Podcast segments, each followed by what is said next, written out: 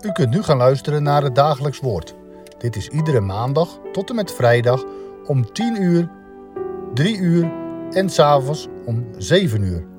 Deze meditatie wordt verzorgd door dominee Alblas.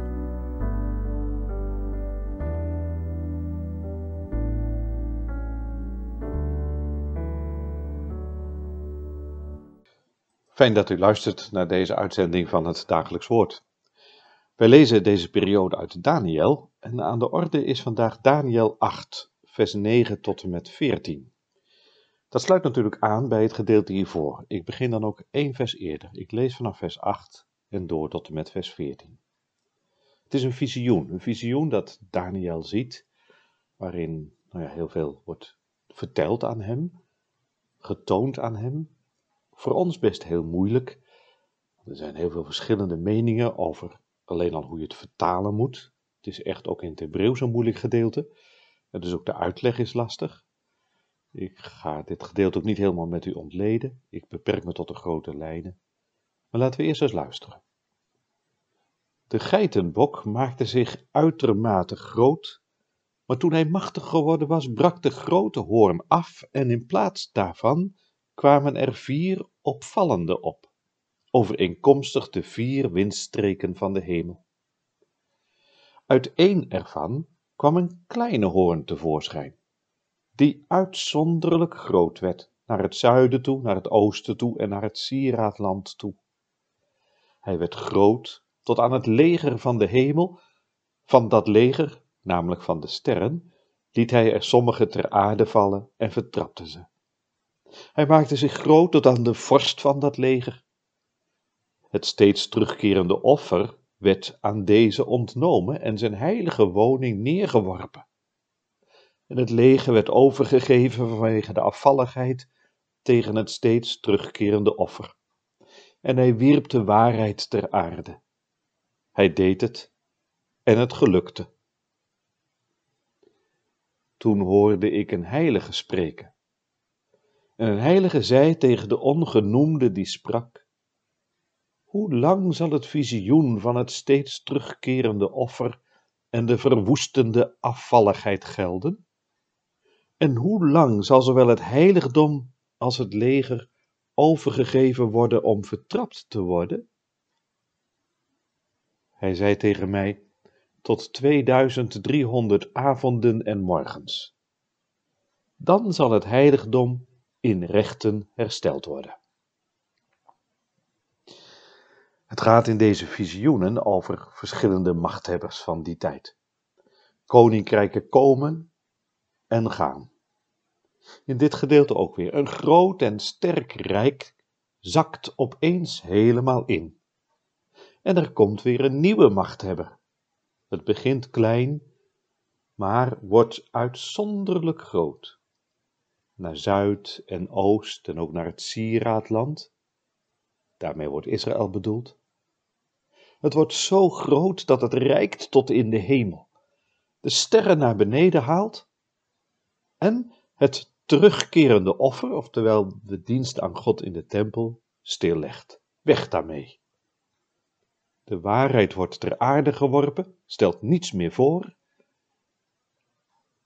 Daar is een grootheid vol macht, gebaseerd op hoogmoed en leugen, het vernielt de schepping en de tempeldienst, daar blijft niets van over. Zoals altijd met oude profetieën en visioenen zijn de beschreven machten en krachten wel te concretiseren in de geschiedenis van toen. Dat is het wonderlijke, dat je ziet dat Daniel hier dingen ziet aan hem getoond worden en dat je in de geschiedenis daarna ook van het Babylonische Rijk en de gebeurtenissen die plaatsvinden, ziet gebeuren, ziet plaatsvinden wat hier beschreven is.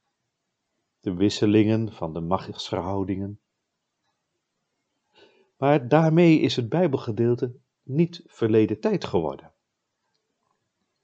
Wordt hier eigenlijk niet iets beschreven wat steeds weer gebeurt, ook vandaag Mensen grijpen de macht. Mensen bestrijden elkaars macht. De menselijke machthebbers wisselen elkaar af. De sterren worden donker. De dienst aan God wordt stilgelegd. Of je nu Daniel leest of Openbaring, steeds weer wordt de wereldgeschiedenis met deze woorden getekend. En je ziet het in alle tijden gebeuren. Steeds weer zijn er mensen die ervan uitgaan dat er geen hogere macht boven hen is. En dat ze dus alle macht hebben. Dat ze vrij spel hebben.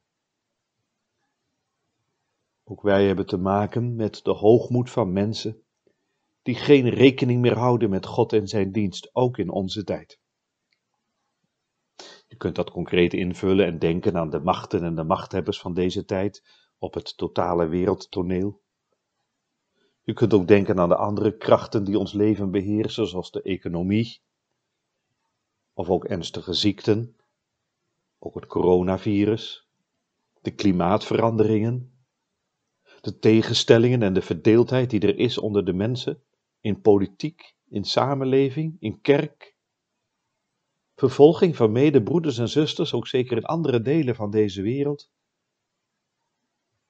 Ja, wat beschreven staat, is ook actueel. Maar het gaat niet zozeer om de precieze concretisering in een bepaalde periode. Het gaat er wel om dat beschreven wordt dat dit de wereld is waarin wij mensen leven.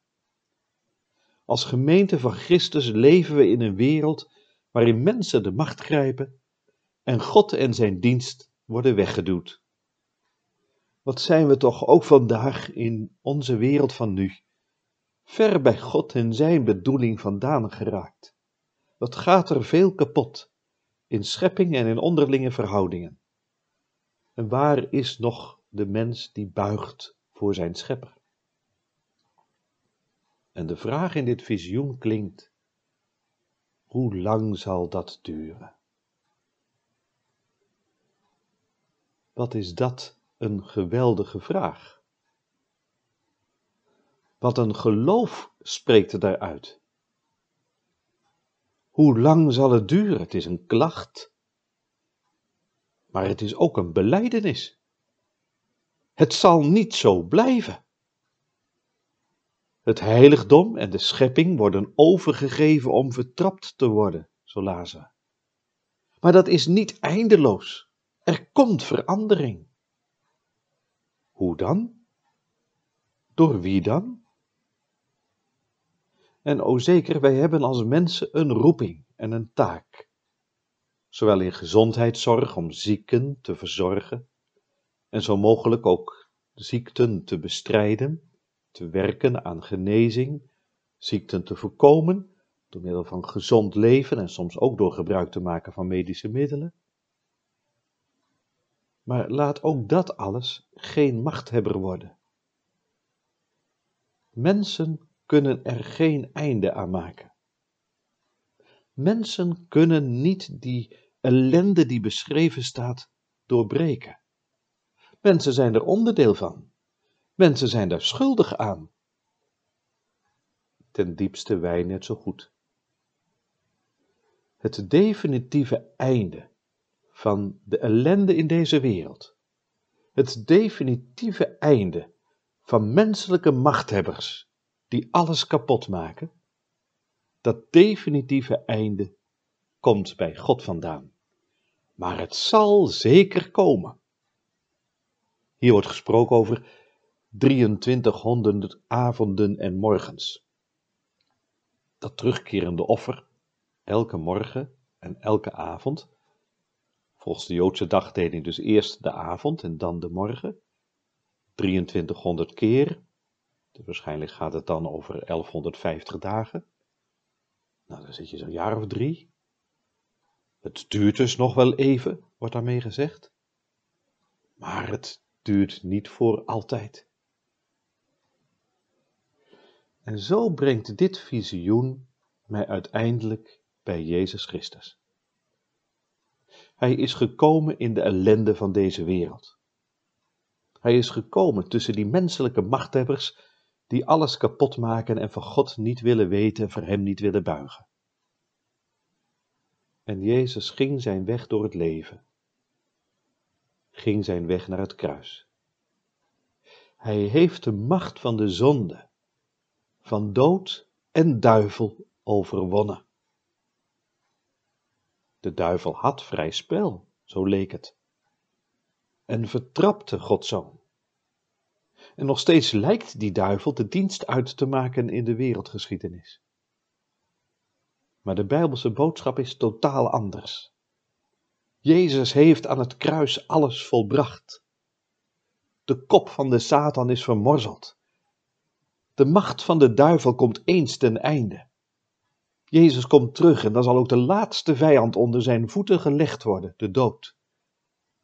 En dan zal ook de macht van de Satan volledig aan banden zijn gelegd. Er komt een nieuwe hemel en een nieuwe aarde. Daar geen rouw meer en geen tranen. Hoe lang zal het duren? Er komt een einde aan. God regeert. Zijn koninkrijk komt. En ondertussen, weet u, het is zondag 31 oktober, hervormingsdag, de dag van Maarten Luther. Ik lees u een paar versen van Maarten Luther, omdat die passen ook eigenlijk bij datgene wat we zojuist hebben gezegd. In alle ellende van deze wereld. Een vaste burcht is onze God, een toevlucht voor de zijnen. Al drukt het leed, al dreigt het lot, hij doet zijn hulp verschijnen. De vijand rukt vast aan met opgestoken vaan. Hij draagt zijn rusting nog van gruwel en bedrog, maar zal als kaf verdwijnen. Geen aardse macht begeren wij, die gaat wel ras verloren. Ons staat de sterke held terzij, die God ons heeft verkoren. Vraagt gij zijn naam, zo weet dat hij de Christus heet, Gods eengeboren Zoon, verwinnaar op de troon. De zeeg is ons beschoren. Gods woord houdt stand in eeuwigheid en zal geen duimbreed wijken. Beef Satan, hij die ons geleidt, zal u de vaan doen strijken. Del vrouw en kinderen het graf, neem goed en bloed ons af, het brengt u geen gewin. Wij gaan ten hemel in en erven koninkrijken. Laten wij samen bidden. Heere onze God, wij danken u dat u ons uw woord geeft, waardoor we niet hoeven te schrikken en niet in de war hoeven te raken van de gebeurtenissen die plaatsvinden in de wereld. Gebeurtenissen die er zoveel kapot maken. Gebeurtenissen waardoor er eigenlijk geen ruimte is voor u en ook de dienst aan u. En toch, u gaat door. U bent het die regeert, u bent de overwinnaar, de machtige. Uw koninkrijk komt. We danken u, Heere God, dat u ons bemoedigt. Help ons om vol te houden. Vaste burcht, dat bent u. Doe ons schuilen bij u. En wat er dan ook op ons afkomt in ons persoonlijk leven, als we te maken hebben moeten buigen misschien ook wel voor, voor ziekte, voor verdriet, uiteindelijk voor de dood. Leer ons steeds weer dat we in Jezus Christus meer dan overwinnaars zijn. Heer God, wij bidden u, ontfermt u zich over deze wereld. We denken in bijzonder aan onze vervolgde broeders en zusters. Wilt ook hen bemoedigen, hoop geven, vrijheid geven.